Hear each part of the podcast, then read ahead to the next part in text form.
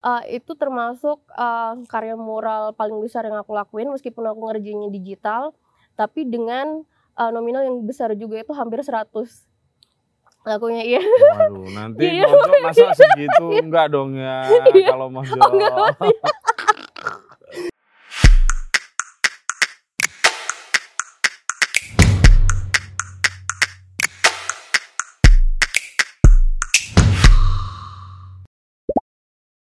Aku nggak selalu mengerti kesepian itu apa.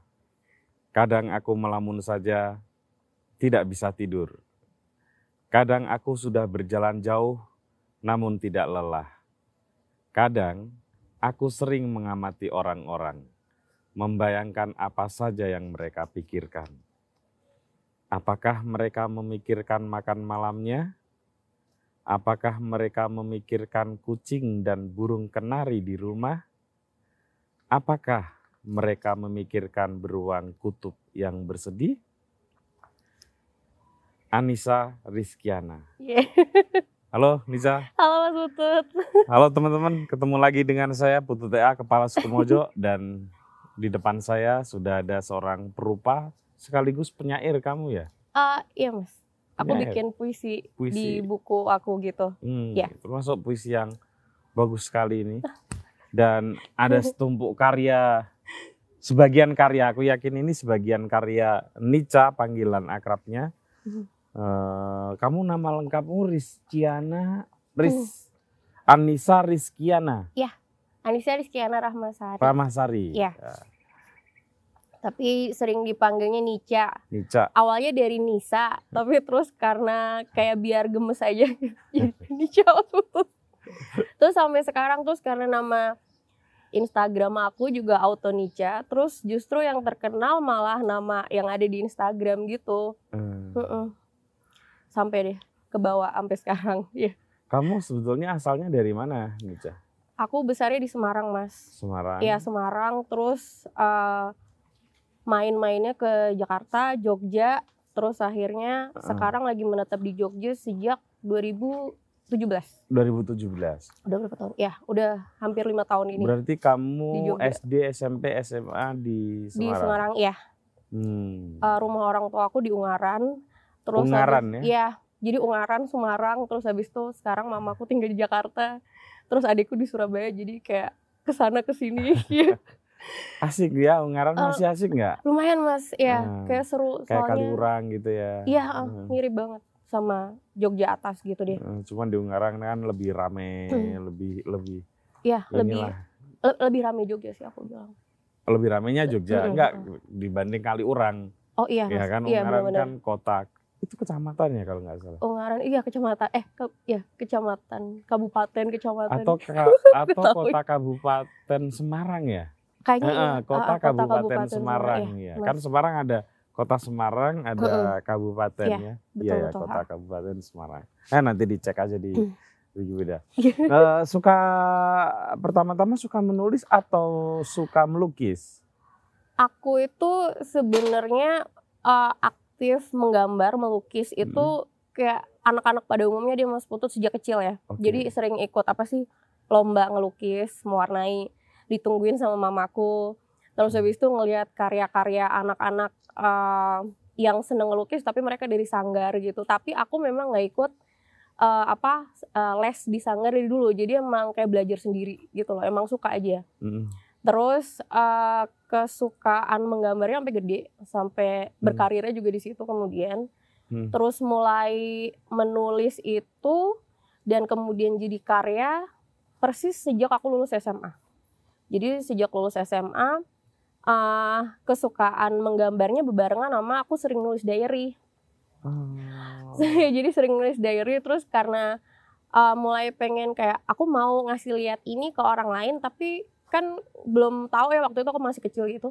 nggak tahu tema yang mau aku kasih lihat ke audiensnya apa jadinya uh, ada temen aku yang kemudian menyarankan Nisa cobain deh kamu bikin zin dulu aja iya. yang awalnya kayak absurd gitu kan mas oh, Putut ya termasuk zin-zin ini ya iya betul banget mas ini termasuk zin-zin awal itu itu zin yang udah sekarang aku nggak boleh zin awal aku ya oh, oke okay. berarti kamu bikin zin dalam usia yang masih sangat muda ya iya mas Putut Sejak Lulus SMA. SMA. atau kelas 3 SMA? Kelas 2, kelas 3 tuh aku udah bikin umur aku 16 tahun nih mas. Oh, itu zin pertamamu? Iya ha. Oh. Jadi dulu aku kalau sekolah tuh aku suka ngelamun. Jadi suka suka ngelamun terus kayak karena sedang ngegambar kan mas. Jadi nggak fokus apa misalnya guru aku lagi eh lagi apa ngasih pelajaran fisika gitu yang aku nggak ngerti banget gitu kan terus Hmm. makanya aku ngegambar gitu terus akhirnya jadi zin gambarnya Kamu, sorry, Hmm. kamu kan tinggal di Ungaran. Iya. Sekolahnya di Semarang. di Semarang itu kayak main mas Jadi kayak Sekolahnya tetap di Ungaran. berkomunitasnya di Semarang Ah. Udah dengan komunitas seni rupa. Iya. Ah. Jadi dulu di Semarang itu uh, ada satu komunitas seni namanya Histeria. tahu aku. Nah itu, Adin ya, iya, Adin. Ah, anak terus- Rembang itu. iya mas, Nah, betul dia anak Ah. Rembang. Terus gara-gara di Histeria itu, aku jadi ketemu sama pelaku-pelaku zin Ah. dari mulai yang di Semarang, di mana kayak di kota lain kayak gitu. Awalnya dari Histeria. Di Australia. Mm-mm. Terus kemudian eh, gimana kamu memilih karya rupa dan Mm-mm. menulis eh, ini sebagai sebuah profesi akhirnya?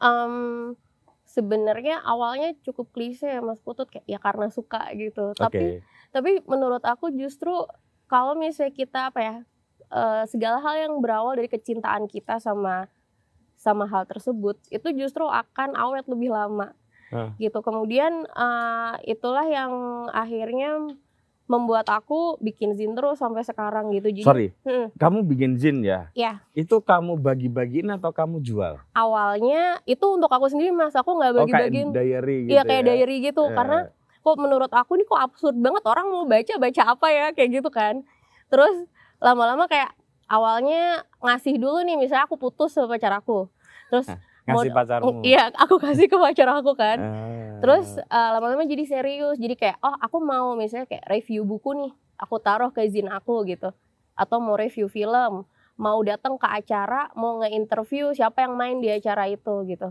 oh terus- sampai kayak gitu. Hmm, ya? sampai kayak gitu terus Hmm. mulai lebih serius eh, waktu zin-zin awal aku yang edisi ketiga yang aku bikin tahun 2011 2012 itu Mm-mm. mulai iseng ngirim email ke ilustrator yang di luar negeri. Nah, ntar kalau dibalas tuh seneng banget terus aku bikin zin kayak gitu, Mas. Jadi, Hmm. Ya membuat aku ketemu sama banyak orang deh dari zin making. Hmm. Tapi akhirnya tiba saatnya membuat zinnya dijual atau enggak? Eh, dia itu aku bikin dua versi Mas Putut. Jadi ada yang dijual, orang-orang bisa beli ya. Ada yang orang-orang bisa dapatkan secara gratis. Hmm. Biasanya tergantung lagi ada acara di mana nih Mas Putut. Misalnya kalau acaranya rame dan emang kayak bazar, itu akan aku jual. Tapi kalau kayak Oh. workshop yang lebih apa ya? Temanya lebih kayak workshop sama misalnya anak-anak di di panti asuhan, terus habis itu di sekolah. oh, iya. Anak-anak maka bisa dapat zin itu Hmm. secara gratis dan aku bagiin juga di sana secara gratis. Ah. Gitu. Sorry, Hmm. kamu ini sebetulnya kuliah nggak sih? Nah, aku itu sebenarnya kuliah sastra Inggris mas, tapi itu nggak selesai-selesai Oh, di mana? di UT. Wah, ini menarik nih. Iya, Kenapa mem- memilihnya di UT? soalnya dulu sering pindah kota. Ini bahasa Inggrisnya bagus banget nih. kayaknya. Pokoknya dulu aku sering pindah kota, Hmm. terus jadi nggak mungkin bisa apa namanya di kelas tatap muka gitu kan mas. Terus kata papa aku udah kamu ambil aja kuliahan yang online gitu, jadi kamu bisa belajarnya di mana aja. Terus akhirnya sampai sekarang aku masih kuliah dan nggak lulus lulus sih. Udah semester berapa? Terakhir semester 5 mas Putut. Oh, masih lama. Iya ya? masih lama.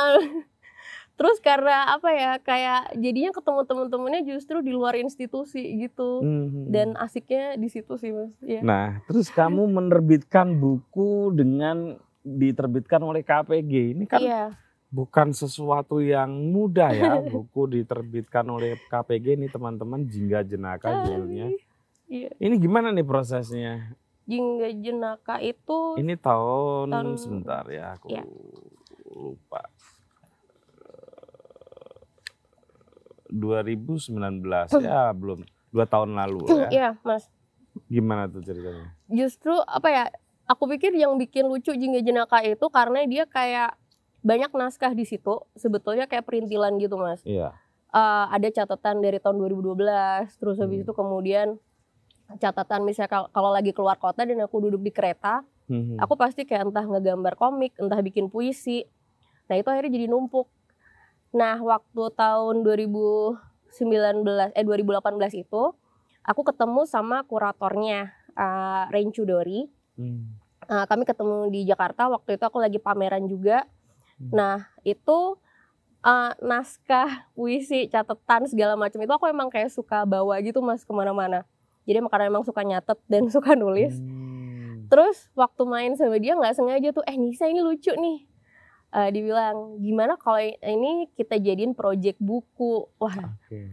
akhirnya uh, aku ya kayak apa ngerasa aku belum pernah nih nerbitin buku gitu terus akhirnya uh, naskahnya masuk ke Koma Books terus habis itu dibantu sama KPG juga terus proses editnya kayak tiga bulan terus habis itu di bulan keempat udah terbit jadi jadilah Jingga Jenaka Cukup, cukup cepat sebetulnya. iya lumayan cepat mas Putut betul cepat.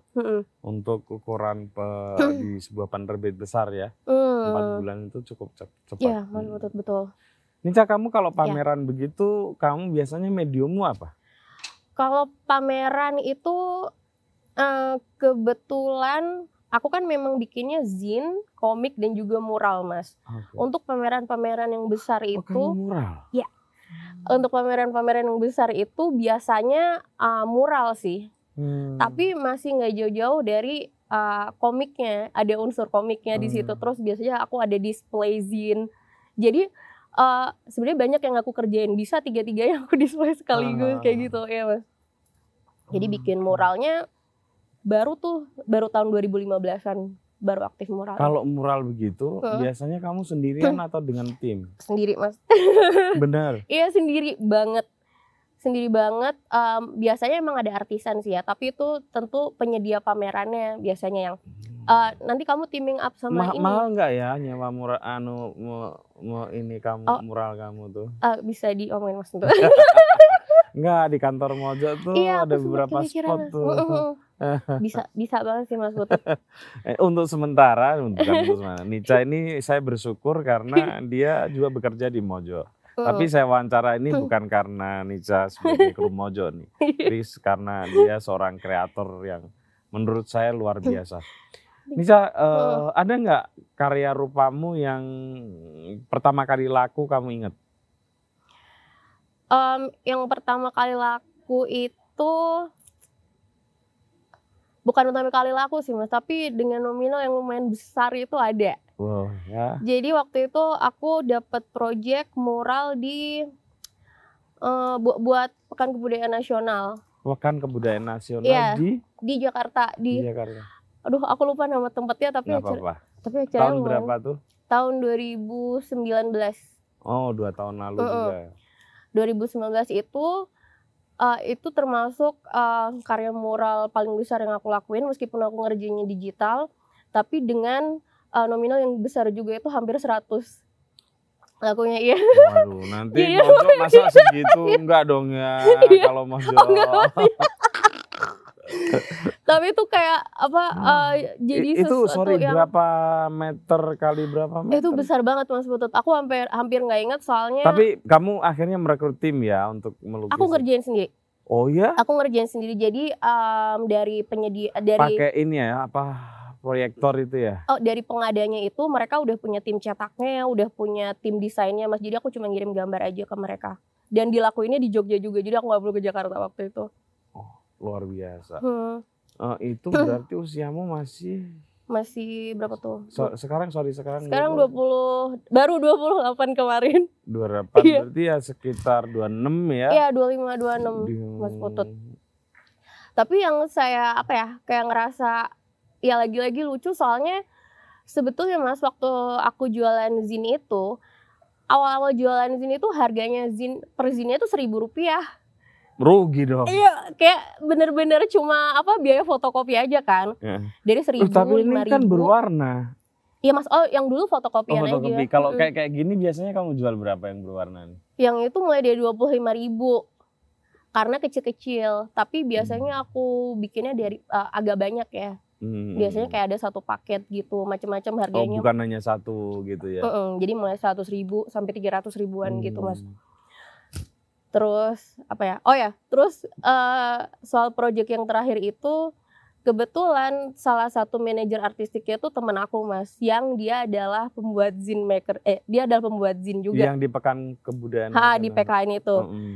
Terus eh, jadi kami tuh suka ketawa-ketawa kalau misalnya nggak sengaja ketemu di apa di pameran-pameran soalnya kami berdua ngalamin dari yang namanya jualan karya 1000 sampai 5000 rupiah sampai eh, ke Rat- pameran yang ratusan nominalnya juta. iya Hmm. nominalnya luar biasa kayak gitu. Jadi seru banget maksudnya.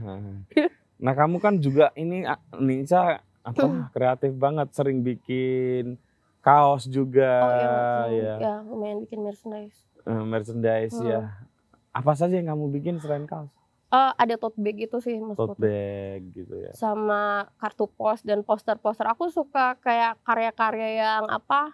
Dia medianya kertas gitu sih, Mas. Hmm. Cuman tuh eh, gini, susahnya adalah ketika kita bekerja sendirian, Mhm. karena saya belum punya tim. Jadinya kalau misalnya aku lagi sibuk misalnya nulis buku, tokonya nggak kurus kayak gitu. Iya, jadinya harus satu-satu. padahal di toko eh, tapi tokonya nggak lewat marketplace ya Iya, belum lewat belum marketplace. lewat nah, jadi ya menghubungi langsung Nica gitu ya Betul, Mas Putut. Ya, jadi Ah. kayak masih agak PR di situ. Nah, Heeh. aku dengar nih Heeh. kamu juga jualan karya lewat kripto Iya, Itu tolong dong jelasin sebagai saya orang yang eh, generasi tua gitu. Apa dan gimana itu? Oke, jadi aku eh, beberapa karya digital aku itu ada di marketplace di OpenSea. Jadi eh, modelnya udah kayak apa ya, Mas? Udah jadi NFT art gitu ya. NF. Iya, non fungible token art gitu. Oke. Jadi eh apa konsep NFT itu juga aku dengarnya baru-baru ini ya, kayak baru ini tahun berapa 2021 kayak baru awal-awal tahun ini gitu kan Mas Putut. mm, mm. Terus aku sebetulnya tertarik sama itu karena dia kayak jadi market baru untuk uh, perupa-perupa uh, terlebih di Indonesia gitu ya Mas. Hmm. Nah kemudian uh, aku uh, menginvest beberapa karya aku di situ uh, Hmm. dan kayak itu bikin aku ngelihat uh, bahwa uh, pasar itu ternyata sekarang ada tren yang berubah gitu loh dan Oke. emang itu menawarkan sesuatu yang baru banget buat Hmm. perupa di sini. Dan banyak teman-teman aku yang udah ikut juga gitu. Nah itu gimana tuh? Kalau dijual Heeh. pakai uang kripto? Iya betul. Kita bisa dapat koin dari jualan di situ dan koinnya eh, beda-beda ya. Ada yang misalnya kayak Tezos, ada yang pakai Ethereum gitu. Hmm. Nah emang yang saya suka yang di marketplace yang di OpenSea itu Hmm. dia eh, apa eh, alat pembayarannya masih pakai Ethereum dan Ethereum itu terbilang cukup tinggi sebetulnya nilainya. Eh, cuman karena saya masih senangnya lagi Ethereum nih gitu, jadi aku juga sambil simpen-simpen dulu. Mungkin siapa tahu ke depannya market Ethereumnya akan jadi lebih banyak ya kita nggak tahu. Aku berdoa aja sih. Kamu juga kamu juga ini apa? Hmm. eh, aktif berkripto Ria? Em, aku cukup mengamati sih mas gitu. Oke. Ha-ha. Aku cukup mengamati dan Tapi senang. enggak enggak apa ya invest atau apa lewat Aku kripto? aku trading juga. trading, Iya. trading istilahnya ya. Iya istilahnya trading. Hmm. Hmm. Terus eh, mungkin belum terlalu apa nominal yang di diinvestasiin di situ yang aku tradingin belum terlalu besar tapi eh, sambil sambil jalan ya aku pikir eh, buat tra- Hmm. trader-trader awal kayak aku eh, kita bisa mulai dari sesuatu yang kecil tapi stabil sambil belajar tentang fondasi trading yang yang kuat gitu karena untuk trading yang bagus itu eh, kami juga butuh fondasinya gitu butuh knowledge-nya. Hmm. Nah, balik lagi. Kamu kan Hmm. kuliah di UT, oke lah, agak sedikit masalah ya. Iya, iya Mas. Nah, eh, memutuskan tinggal di Jogja. Iya. Itu gimana ceritanya? Em, karena deket aja mas tadinya dari Semarang. Enggak, kalau gitu kenapa nggak sekalian di Semarang? Eh, soalnya udah capek mas, udah kayak mau ngapain lagi ya di Semarang oh, udah bosen. Iya dan kayak Ah, ngerasa aku butuh melihat Semarang dari kota yang berbeda gitu mas. Makanya aku suka kayak oh misalnya datang ke kota-kota yang lain kayak Jogja atau Jakarta atau Surabaya, jadi menimba ilmu dari kota itu, terus kayak ngelihat apa sih yang bisa taruh lagi di Semarang apa yang bisa dibawa buat Semarang kayak gitu Hmm. Ya, Jadi eh, memilih di Jogja itu karena deket gitu.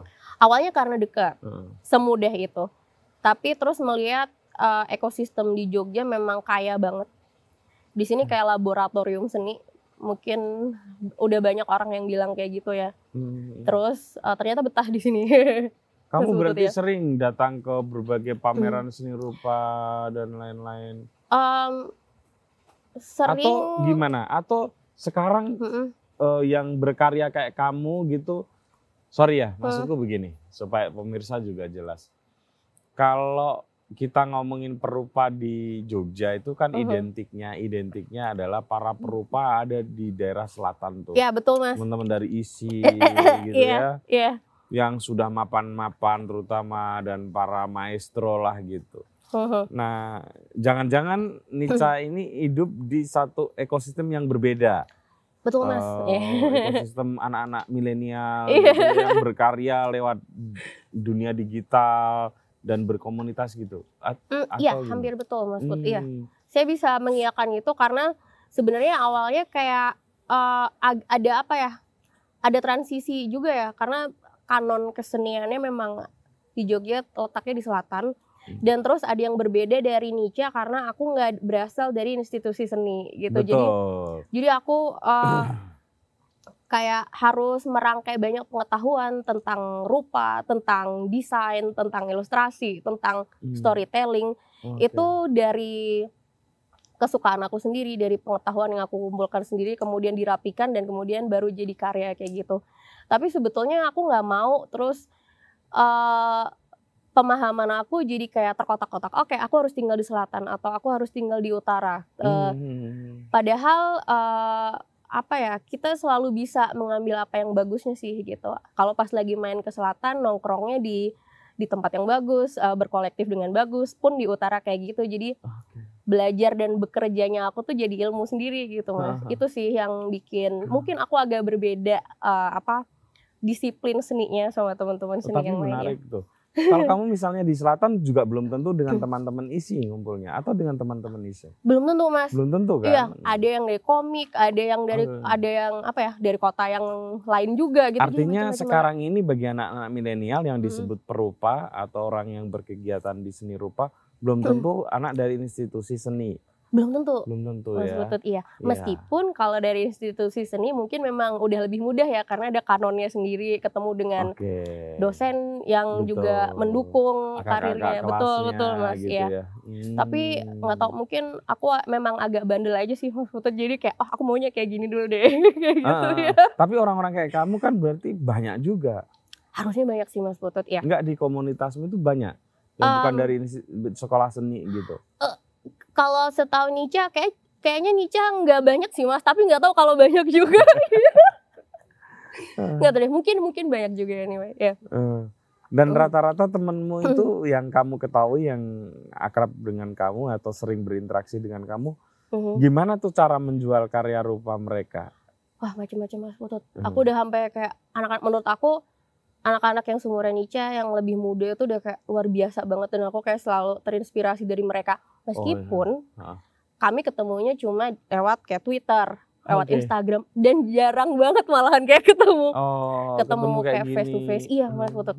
Aku juga kayak anaknya lebih lebih rumahan gitu. Jadi meskipun kelihatannya banyak omong di mana di Twitter atau di Instagram, tapi sebetulnya aku adalah anak yang agak introvert. Kalau soalnya kayak aku lebih suka di rumah kayak gitu. Hmm. So teman-teman aku mostly nggak nggak jauh-jauh caranya juga sih mas dari aku ya Hmm. kayak tadi NFT-an terus habis itu mereka punya eh apa market sendiri lewat toko mereka di Instagram kayak gitu. Jadi Ah. banyak banyak cara sebetulnya sih Mas ya. Dan banyak kesempatan Oke. untuk anak-anak muda ya. Kalau misalnya begini, ada nggak di antara mereka atau Nica gitu ya, eh, yang karya rupanya tidak diaplikasikan ke medium kayak tote bag atau kaos gitu atau topi, yang misalnya kanvas dan kertas gitu, banyak banget Mas. banyak dan Iya. itu laku juga, Laku banget. laku banget. Iya laku banget. punyamu berarti laku dong Ninja. Eh ya tapi aku bilang karir aku sekarang kayak masih medium gitu mas. Hmm, tapi ada teman-teman juga yang memang laku. Laku banget. Ba- Ya laku banget. Aku harus bilang gitu. Mhm. Mhm. Dan mahal jangan-jangan. Iya. Tidak Enggak. kalah mahal dengan Enggak. yang para lulusan Iya. sekolah seni. Betul mas Putut. Aku Oh, pikir kayaknya sekarang memang ada aku menyebutnya kayak transfer of wealth. Oke. Jadi kayak hmm, mungkin kita lebih leluasa apa bicara tentang kayak nominal uang dari hasil kerja kita gitu sekarang. Dan aku pikir kayaknya em, selama itu bisa apa ya berada dalam konteks diskusi yang bagus, Mhm. ya eh, kita ambil ilmunya aja kayak gitu sih maksudnya. Mhm. Kayak gitu-gitu berarti kalau seperti yang kamu ngomongin ada proses tawar menawar, diskusi juga dengan calon pembeli gitu. Kalau aku kurang tahu kalau teman-teman aku Mas Putut, tapi Heeh. kalau di Indonesia biasanya eh, ada banyak cara. Kayak misalnya betul. udah sepakat dulu misalnya klien punya budget segini, oke, aku Baru bisa, dibikinin. Iya, Ah. aku bisa ngerjain dengan budget segini kayak gitu-gitu. Oke. Mm-mm. Tapi memang Hmm. eh, kliennya beragam ya, jadi Iya. me- menurut aku Range itu yang harganya unik. juga lebar ya. Iya betul, Ah, betul. Mhm. ah, Jadi menarik sih. ah. Rata-rata kalau mereka kayak gitu untuk dipajang di rumah Hmm, atau gimana? Kalau yang proyek aku yang aku kerjain untuk klien yang lucu-lucu gitu, Mas Putut, aku kan bikin open commission ya. Open commission itu jadi lucu banget. Em, aku akan ngerjain foto klien gitu misalnya untuk yang konteksnya lebih ilustrasi. Jadi Hmm. bukan yang untuk pameran ya. Iya, iya. Mas iya. Putut. Itu juga aku harus bilang penghasilnya lumayan juga dari situ. Oh, iya. Jadi eh, bisa cukup lah untuk aku jajan dan kayak bayar kosan dan dan apa makan-makan gitu, traktir Eh. teman-teman gitu. Eh. Saya itu juga lumayan bagus. Oh, itu untuk koleksi dia berarti. Ya, mhm. jadi Hmm. aku istilahnya aku menyebut diri aku personal artist dari Ah. klien-klien aku gitu Mas Putut. Mhm. Dan tapi tidak selalu portret diri kan? Mm, Atau hampir semuanya portret diri. yang aku bikin memang konsepnya portrait diri Mas Putut. Tapi portret diri yang ini ya, yang tafsirnya menurutmu gitu. Nah, Enggak jadi yang portret diri yang mirip banget gitu. Ada sih Mas Putut yang aku bikin mirip gitu. Ah. Kalau yang eh, temanya berbeda mungkin lebih kayak mural yang aku bikin kayak gitu-gitu. Oke, oke, oke. Komik Hmm, gitu. Jadi rata-rata ini yang portret diri ini sebetulnya yang ya bener-bener yang genre-nya potret diri gitu Iya, ya, yang iya, mirip gitu. Iya. Itu apa ininya? Pakai pensil? Iya pakai Photoshop doang gitu. Awalnya aku kayak Oh, bikinnya Oh, tetap digital ya. tetap digital Putut. Nanti print out gitu atau Em, enggak? aku kasih kasihnya bentuk soft file. So file, terserah mereka. Iya. Dan aku ngerasa kayak itu bisa jadi gift yang kayak jadi hadiah gitu buat mereka. Soalnya banyak klien aku eh biasanya pesen itu jadi hadiah untuk mamanya atau papahnya dan aku seneng banget ngerjainnya kalau udah kayak gitu. Iya, Hmm. kayak bener-bener foto keluarga dan aku kayak ngerasa aku jadi bagian dari kebahagiaan mereka kayak gitu Mas Putut. Oke, oke. Jadi lumayan menyenangkan. Apalagi selain yang kayak gitu yang menyenangkan buatmu? Bikin komik, Mas. Komik ya. Mhm. Hmm. Aku suka banget bikin komik. Eh, jadi eh, sebagai bocoran aku lagi ngerjain kayak ada naskah buku kedua, tapi aku nggak tahu selesainya kapan. Oke, Mungkin 100 tahun lagi. jangan dong. Terus yang di buku kedua ini lebih konsepnya kayak komik semuanya. Komik eh, tapi part-partnya nyambung satu kesatuan atau Kayak one off. Jadi Hmm. Memang ada komik dan tetap ada sentuhan apa ya aku bilang sajak gitu di situ, Iya, tapi nggak iya. sebanyak Jingga Jenaka. Hmm. Iya. Nah, Mhm. gini nih, Ca. Kamu kan di kalau aku lihat ya di sini memang ada sih satu karakter yang ya ini Nica banget, tapi ada beberapa hal yang menurutku eh, kayak ini nih, ini Mhm. dengan sorry dengan ini gitu ya. Ini Mhm. kan ada agak berbeda gitu ya. Ya, Mas Boto. Itu perkembangan atau hal-hal yang kamu merasa tantangannya ini nih, tantangannya ini gitu. Eh, Gimana aku tuh? suka aja sama membuat karya untuk anak-anak yang lebih muda dari aku gitu. Jadi bagaimana menciptakan karya yang bisa dibaca oleh adikku misalnya gitu Mas Putut.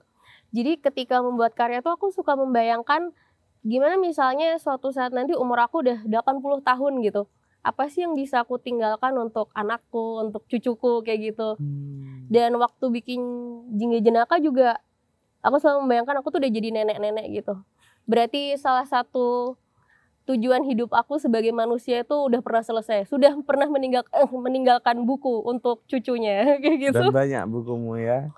Iya, kalau ini satu Masih zin zin. dianggap sebagai buku, ya. Di bayanganmu nih, Ca. Ya. Hmm, kalau boleh berandai-andai. hmm, capaian yang paling kamu inginkan dalam dunia seni rupamu itu apa sih? Um, apa ya Mas Putut? Aku seneng ketika orang ngerasa bahagia aja sih ngeliat karya aku Mas. Udah itu aja itu udah menurut Hmm. aku udah cukup banget eh, gimana menciptakan karya yang akrab gitu yang membuat orang tuh ngerasa oh aku aku rasanya kayak dipeluk nih ketika baca puisi ini atau ketika baca komiknya Nica gitu itu udah nggak ternilai buat aku sih Hmm. aku harus bilang ya Aku seneng tadi, banget tadi dengan puisi yang aku bacain tadi itu. oh makasih Mas Putut Ya. Thank you so much. Ya. Terus aku banyak bikin komik juga untuk anak-anak kecil gitu, Mas. Ah, Tapi yang kayak berpesan. ah. Jadi misalnya kayak ngomongin sesuatu yang serius banget kayak isu lingkungan misalnya, tapi dengan bahasa yang sederhana banget Oke. yang bisa dibaca sama anak-anak sama kakaknya atau sama mama papahnya di rumah gitu. Kenapa nggak kamu bikin buku nih, Ca? Nanti Enggak, karena Aku pengen begini, banget begini, begini.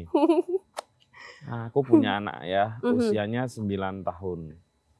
Tapi sejak usia dia memang lebih suka ya namanya bapaknya penulis ya, dia Ya, suka Mas. membaca sejak kecil. Eh, tapi aku selalu kesulitan ya butuh effort lebih untuk mencari buku-buku dengan tema eh, lingkungan. Iya. Iya, Putut betul. kalaupun ada itu sifatnya informatif aja Iya. hewan ini tumbuhan ini gitu Iya, uhum. gunung apa gitu danau tapi sesuatu yang eh, sebagai satu pengetahuan ekologis gitu itu enggak enggak ada gitu. Hmm. ataupun kalaupun ada menurutku jarang sekali Iya, iya betul sih Putut. gitu Iya, ya. iya aku inget pas bikin Jingga Jenaka itu adekku waktu itu umurnya emang lebih gede ya dari anaknya Mas Putut adekku umur 14 15 tahun gitu kan oke Mas. oke. Terus dia itu adalah seorang kutu buku. Dia kayak Hmm. seorang avid reader gitu. Dia akan baca buku setiap hari nyelesain novel anak baca KKPK sampai semua judul udah dibaca. Nah suatu kali waktu dia pulang sekolah dia bilang sama aku kak aku tuh udah selesai baca KKPK tapi aku belum bisa sampai baca ke novel yang konfliknya tuh rumit gitu. Hmm. misalnya dari penulis-penulis yang kayak menciptakan konflik-konflik yang mungkin agak dewasa gitu untuk Hmm. anak-anak seusia Ya, adik aku mas. ya. Nah kemudian aku jadi terpikir wah kalau kayak gini bisa nggak sih uh, aku sebagai kakak mengambil peran yang bisa menciptakan karya yang menjembatani usianya adik aku yang hampir gede ini ngomongin sesuatu yang apa yang sebetulnya serius kayak romance gitu kayak asmara tapi dengan bahasa yang adik aku yang umurnya 13 14 tahun itu nyaman membacanya Hmm. gitu Mas Putut. Jadi itu Hmm. sih mungkin aku, aku harapnya bisa bikin buku yang lebih serius dari zin-zin aku ini ke depannya. Tapi sekarang kayaknya masih seneng bikin zin dulu karena iya, nggak dia apa-apa. m- mudah dan murah gitu. Eh, biasanya kamu bikin zin berapa minggu atau bulan sekali? aku nggak ada waktu apa ya Mas kayak ngasih patokan waktu gitu ya. Begitu ada inspirasi aku bikin aja. Lagi seneng gitu. Se- Misalnya seminggu bikin 20 zin gitu bisa. Iya. ada juga misalnya tujuh bulan nggak bikin karya sama sekali bisa. Jadi emang ya itulah Hmm. PR-nya orang-orang yang bekerja di industri kreatif harus bisa menjemput ide. Nah, Iya. Kamu merasa tertekan nggak sih kalau sekian bulan nggak bisa menghasilkan apa-apa? Iya mas, banget sih sebetulnya. Aku ngerasa kayak aku jadi orang kok nggak berguna ya. Tapi kayaknya em, mungkin memang apa ya lagi butuh istirahat aja. Ah, Eh, gitu. ya, ya, Jadi benar, benar. aku juga harus bisa belajar ngasih waktu istirahat dan menormalkan. Oh, aku nggak apa-apa kok istirahat gitu sih, Mas Putut. Nah. Tapi nggak boleh kelamaan. Ya. Iya. Nah, untuk menambah eh, referensi atau hal yang membuat kapasitas pengetahuanmu bertambah dalam dunia yang kamu geluti kayak gini ini biasanya kamu lewat cara apa? Em, aku beli buku, Mas. Aku suka buku ilustrasi, suka banget. Eh, Aku ada apa ya kayak target misalnya habis gajian harus beli buku ilustrasi untuk Hmm, nggak tahu aku suka aja gitu. Aku Oke. suka itu sama aku belajar dari belajarnya online kayak dari YouTube, dari Skillshare, dari oh itu Coursera. untuk skillnya ya. Ya, aku suka banget belajar. Kalau untuk knowledge-nya gitu dari apa? Eh, burungnya. apa ya, Mas? Nongkrong kali ya. Hmm. Nongkrong dan belajar sama komunitas kita gitu. Aku Oke, pikir oke, oke. banyak pengetahuan juga yang bisa didapat dari situ. Buku ilustrasi. Ya. Apa tuh misalnya Nisa? Em, satu buku yang aku sampai nggak bisa move on tuh ya Mas Putut. Ini ilustrasinya lebih lebih sedikit daripada teksnya, tapi ini bukunya benar-benar life changing buat aku. Yaitu bukunya Toto Chan. Oh, Iya, oh itu sih bukunya Tetsuko Kuroyanagi Iya. itu luar biasa banget sih Mas Putut. sangat. Sangat itu luar buku biasa. anak kecil yang jadi referensi orang gede. Betul Mas. Itu Betul, juga setuju. termasuk buku yang mengubah ya Bu, ikut mengubah lah, ikut mengubah cara pandangku Ya. terhadap anak gitu ya. Mhm. Walaupun waktu aku baca belum punya anak ya. ya. Nah, Oh, kamu baca aku Toto suka itu. ya aku suka penulisnya Tetsuko Kuroyanagi kalau nggak salah sama ilustratornya juga Chihiro Iwasaki jadi aku- suka banget sama buku itu sama apa lagi ada beberapa buku yang kayaknya aku inget juga tapi aku harus bilang Toto Chan itu sih yang life Chan. changing ya Sorry, Hmm. eh, kalau misalnya kayak buku nanti kita cerita tentang hari ini gitu, itu Mhm. bagimu termasuk buku ilustrasi nggak sih? Em, iya karena ada ilustrasinya di dalam Dan dan ba- lebih banyak ilustrasinya kali iya daripada betul. ininya ya. banyak aku pikir sama ya kayak teks dan juga ilustrasi cuman memang eh, marketnya untuk anak-anak dewasa gitu untuk remaja ya sorry bukan. untuk remaja mhm. Bukunya Ali berarti buku ilustrasi dong. Kamu pernah baca nggak? aku belum baca bukunya kali mas itu Aduh, bukunya kali udah mau difilmkan tuh. iya nih udah buku mau pertamanya karena dia mau nerbitin buku yang kedua. oke Eh. ayo kali kita semangat bikin buku kedua Eh, kalau Iya. karya Indonesia apa? Apa? Nica ada yang diingat nggak? Hmm, buku atau Buku, buku. apa ya mas putut aku oh, mungkin buku-bukunya Mbak Reda kali ya Reda Ga Gautama eh Gaudiamo Gaudiamo. Iya. ya. bukunya Mbak Reda terus oh bukan buku tapi ada satu teman aku yang eh, kami dulu pernah eh, bekerja bareng jadi dia jadi guru dan aku jadi asisten guru di salah satu sekolah inklusif di Jogja namanya Galih Deu dia menurut aku juga ikut menginspirasi proses berkarya aku ya Mas Putut nah uh, Galih ini dia bikinnya musik tapi dia seorang musisi. Hmm. Sekarang base-nya di Jawa Barat. oh, di Bandung, ya. Tapi itu bukan karya rupa. Iya, bukan. Hmm. Tapi terus aku jadi inget setelah kita ngomongin oh ya siapa lagi yang itu ya agak-agak uh, menginspirasi ketika Hmm. bikin karya tentang anak gitu Oh, misalnya ya. iya. Iya, iya. Mhm. Kalau perupa di Indonesia, siapa yang paling kamu suka? Perupa di Indonesia yang masih muda yang karyanya luar biasa menurut aku. Di Jogja tuh ada Natasha Tonte. Aku suka banget karyanya Tonte. Terus habis itu awal-awal bikin zine itu aku pernah kenal yang kemudian sekarang dia jadi seorang seniman kolase namanya Mbak Ika Fantiani. Dia juga seorang perupa yang mengins- sangat menginspirasi proses berkarya aku. Mhm. Terus kemudian di mural itu ada Mbak Mariska Soekarna. Kami pernah eh, ketemu waktu di project terakhir itu di PKN. Uh, terus sekarang dia sudah tinggal di Jerman. Jadi kayak tiga orang itu ada Tonte, ada Mbak Ika dan, Dan Kak semuanya Mariska ya. ini ya, semuanya lewat medium apa karya Hmm. digital dan mural. Macem-macem Mas Putut. Ah, Jadi oke. ada yang mural, ada yang memang karya instalasi, ada yang Instalasi. zin Hmm. dan juga kolase. Hmm. Tapi kayak ya itu tiga nama yang aku inget banget sih Mas Hmm. Putut. Dan ketiganya perempuan. Iya. iya. Eh, kamu pernah nggak mencoba melukis di atas kertas atau kanvas? Em, it- itu akan jadi mm, next goal aku Mas Putut, Hmm. yaitu tadinya em, apa ya transisi dari proses berkarya di kertas kemudian ini di kanvas. Hmm. Aku udah beberapa kali coba em, ngelukis di kanvas dan ternyata kayak nagih juga gitu. Tapi gitu ya. memang harus aku akuin bahwa membeli kanvas itu tidak murah.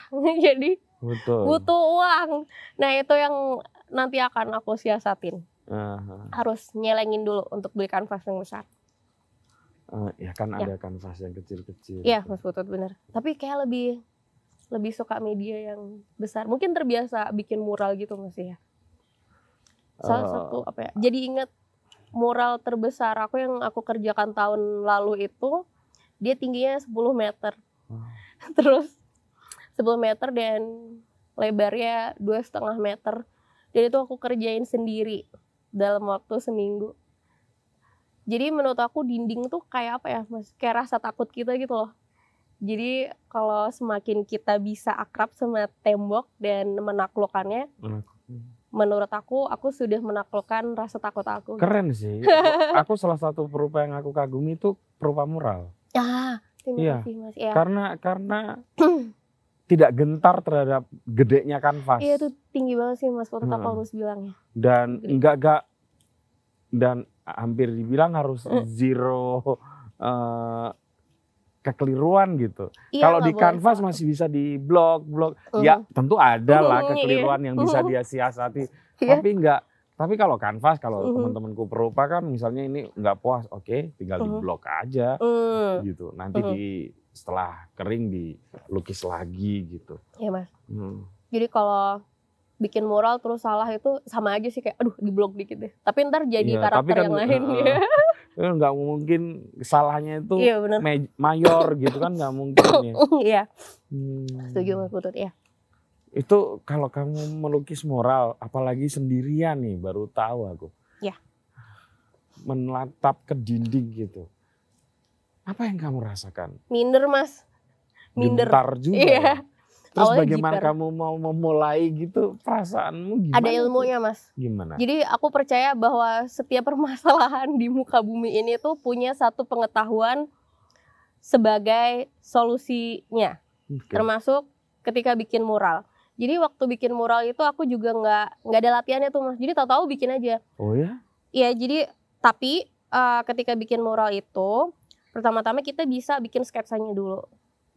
Kita- Sketsanya di tembok, Bisa di kertas dulu. di kertas dulu. Jadi tahapannya itu adalah aku akan bikin sketsa di kertas. Mm-mm. Kemudian eh, akan lebih mudah kalau misalnya kita ada artisan ya kayak ada ada yang ngebantu kita Iya, nyeket di temboknya gitu. nyeket di tembok bisa terus habis itu aku biasanya tetap pakai mm, proyektor untuk Iya, iya, iya. untuk tembok yang gede banget Hmm. karena scalingnya butuh apa ya butuh pemahaman sendiri butuh Wajar lah orang tersendiri, ya. lukis di di mural pakai proyektor. Iya, betul, Apalagi Mas. kalau indoor ya. iya ha, Hmm. dan itu memang bikin prosesnya jauh lebih cepat ya terus proyektor terus kemudian baru di em, ditimpa pakai cat dan itu biasanya setelah nimpa pakai cat belum tentu eh, dia tuh sama gitu kayak yang kita gambar di kertas Iya bisa dong. beda banget dan itu Pasti. butuh apa namanya butuh improvisasi dari kita sebagai perupa Nah. yang harus pintar ya. Oke.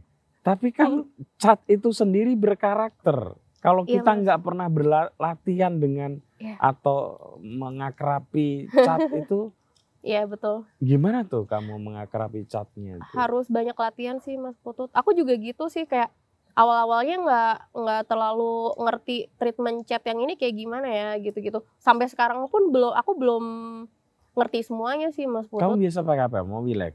Pakai Mobilex. Iya. Iya, itu udah kayak cat langganan Iya. semua teman-teman mural. Iya. Hmm. A- apa yang Iya. kamu sukai dari Mobilex? Karena dia awet Iya. dan dia nyalanya bagus. Warnanya bagus banget dan lembut sih aku bilang. Itu Mas Putut. Eh, kapan terakhir atau akan ada project mural Hmm. apa? Tahun ini Di- belum Belum ya. belum ada rencana apa-apa sih Mas Putut. Terakhir kali memang tahun kemarin ada residensi di Solok ya. Solok tuh Sumatera Barat. Oh ya? Kamu residensi di sana? Iya, awalnya cuma seminggu tapi karena betah jadi dua bulan. Solok kan indah ya. Iya Mas Putut, aku, Aku belum pernah ke sana sih. Tapi kalau lihat-lihat foto-fotonya, ya eh, aku suka Padang juga. Aku pokoknya suka Sumatera Barat banget. Itu pertama kalinya juga aku ke sana sih Mas Putut ya. kamu residensi di mana kalau boleh tahu? Itu aku dapat undangan Hmm. dari salah satu rumah komunitas di sana namanya Gubuak Kopi. Jadi Hmm. Gubuak Kopi itu mereka adalah kolektif anak muda yang apa bekerja di ranah seni dan juga masyarakat di sana. Mirip-mirip histeria lah. Mirip-mirip histeria lah ya, Oke. tapi di Solok. Mhm. Keren banget. Ya, masih. Hmm, Kamu mengerjakan apa di sana? Aku di sana bikin workshop zin Hmm? untuk uh, remaja dan juga bikin mural yang paling tinggi yang pernah aku kerjain kemarin, Yang berapa? 10 meter itu? Ya. yang dua setengah kali sembilan, ya hampir 10 meter, tinggi Hmm. banget ya. Di kayak gor olahraga, gedung olahraga di Di sana. sana? Gedung olahraganya di Solok Iya, sana? jadi kalau Mas Hmm. Putut one day ke Solok mungkin bakal bisa lihat mural aku di sana. Wah. Iya. Oh, seka- ini ya sekarang kayak histeria, kayak tadi apa namanya? Kolektif Gubuak kopi. Apa? Gubuak. gubuk kopi. kopi. Itu Heeh. gubuk kopi gitu ya? Gubuak Kira-kira kopi. Ya. artinya ya. mhm. Karena Solok kan memang daerah kopi ya. Iya, Hmm. Putut betul. Eh, itu banyak sekali di Indonesia, iya. Bisa. Kolektif anak muda. Ya, Aku harus bilang cukup banyak Mas Putut. Cukup banyak dan mereka tumbuh. tumbuh dengan Mm-mm. baik. Mereka tumbuh dan mereka eh eh, how to say bergerilya Hmm. gitu ya. Jadi em, mereka punya siasat tersendiri untuk tetap bertahan di Indonesia yang aku harus bilang tidak mudah untuk jadi seniman kolektif gitu misalnya. Hmm. Karena kita harus punya cara-cara tersendiri misalnya kayak gimana cara mengelola keuangan komunitas kayak gitu. Iya. Gimana cara bertahan sebagai seniman independen ya. Iya. Yang karirnya kita harus eh, buat sendiri jalannya kayak gitu Betul. Mas Putut. Nah, Betul. itu sih aku pikir yang susah di Hmm. Indonesia. Hmm. Tentu beda eh, kalau kita ngomongin misalnya seniman yang eh, dia udah punya space, yang udah eh, dapat privilege dari Ah. dari apa? dari keluarganya gitu misalnya kayak gitu. Mas Putut oke. ya. Jadi Hmm. menarik sih melihat pertumbuhan Hmm. teman-teman di kolektif ini. Dan antara mereka saling berinteraksi ya. Iya, Mas Putut Hmm. betul. Nah itu yang saya kira itu yang perlu mendapatkan exposure dari banyak pengamat seni rupa ya. Iya, iya betul Mas. Hmm. Dan itu akan sangat berarti sih buat teman-teman muda perupa di Indonesia Hmm. gitu sih Mas ya. Eh, terakhir nih Ca. Ah, iya. ah, seru banget Oh ya. kamu malah lupa nggak? Nih masih ada. Nanti buat penutup. Hmm. Gimana caranya? Ini saya soalnya kan masih muda dan punya banyak kemampuan nih ya. Hmm. Oh. Menulis juga bisa. Gimana caranya untuk mencoba tetap konsisten di jalan yang telah dipilih oleh Nica? Karena itu nggak gampang. Iya Mas. Caranya adalah apa ya Mas Putut? Aku pikir orang-orang harus nemuin panggilan hati mereka sih Mas. Kebetulan panggilan hati aku memang di sini, dibikin zin gitu. Dibikin zin, bikin Oke, komik. gini Mhm. deh. Aku ban apa Hmm. ya? Coba eh, rasakan apa yang pernah aku alami. Mhm. Gitu. Aku kan memang juga suka menulis dan telah memilih jalan sebagai penulis. Mhm. Eh, Dan ya berat karena dulu waktu awal-awal jadi penulis yang namanya penulis eh, harus mengandalkan dimuat di koran atau Iya, di media bener. massa gitu. Jadi Mhm. Minimal sebulan harus ada dua atau tiga karya supaya aku bisa hidup ya yang dimuat oleh media-media itu. Iya setelah kemudian lewat lima tahun, enam tahun, tujuh tahun tuh tetap ada perasaan apa aku kerja normal-normal aja ya. gitu. Iya. Dulu waktu aku fase-fase kayak gitu tuh Mhm. LSM kebetulan lagi banyak-banyaknya di Indonesia. Oh. Oh, Dan wow. aku kan kadang-kadang ikut penelitian mereka, kadang-kadang ngedit ngedit hasil riset mereka atau Mhm. apa apa pun lah gitu. Iya. Jadi kadang-kadang bukan kadang-kadang sering kali ditawarin udah putut oh, kamu kerja. Iya. Nah itu cukup menggoda gitu. Iya. Karena ya duitnya lebih banyak dan Iya. nggak perlu aduh aku harus memikirkan untuk berkarya dan dimuat di mana gitu. Iya. Walaupun akhirnya aku tetap tidak memilih itu ya. Tapi godaan itu sempat besar gitu. Oh oke baik mas. Hmm. Iya. Nah, maksudku itu. Oke. Gitu gim- eh, untuk tetap berkarya di rupa kamu di Mhm. mojok kan tetap ilustrator. Iya mas. Nah, itu menurutku beruntung. Hmm, Ya, hmm, kalau kalau Iya, misalnya betul. aku di LSM belum tentu loh aku tetap jadi penulis gitu. Hmm, Nah, baik. maksudku gitu. apa ya mas Eh, kalau menurut Nietzsche kalau dari aku sendiri ya mas Putut menurut aku tuh belajarnya aku adalah bekerja dan bekerjanya aku adalah belajar. Oh, jadi aku harus eh, bukan harus tapi kayak memang udah tahu sejak awal aku bikin zin aku bilang sama diri aku sendiri aku mau nih kalau aku jualan zin jadi beras. Gitu. Jadi emang apa ya harus realistis bahwa uang itu adalah sesuatu yang bi- akan ngasih kita kebaikan juga kayak gitu Iya dong. Iya. jadi eh, selama apa ya? Selama itu bisa menghidupi kita dan itu bikin kita bikin karya yang sama bagusnya atau bahkan lebih bagus. Jadi lakuin aja. Kayak harus percaya diri aja gitu. Dan kadang-kadang bukan kadang-kadang Hmm. se- saya sering nggak setuju kalau orang-orang bilang uang itu nggak penting dalam kekaryaan That's ya, that's karena so perupa seniman penulis tuh butuh hidup Betul, itu Mas. satu Iya. dan yang kedua yang mungkin teman-teman perlu tahu ya dengan karya kita laku Mhm. membuat kita semangat Iya. yang mengapresiasi Iya, bener nggak sih setuju Mas Hmm. Putut. Ya. Oke. Jadi gitu. Sip Nica Makasih Mas Sukses selalu ya Seneng nanti banget. sebelum insya Allah kalau bisa sebelum tahun baru kita agendain lah beberapa spot di Mojo Thank you. Mas. supaya tahun 2022 kita lebih segar lagi kantor. I would love to ya. Thank you Mas. Makasih ini saya. banget. Sip sip sip sip. Oke teman-teman begitu obrolan saya dengan perupa muda dan saya kira Nica ini masa depan kekaryaannya masih cukup panjang dan menjanjikan dan sampai ketemu lagi di tamu-tamu saya selanjutnya.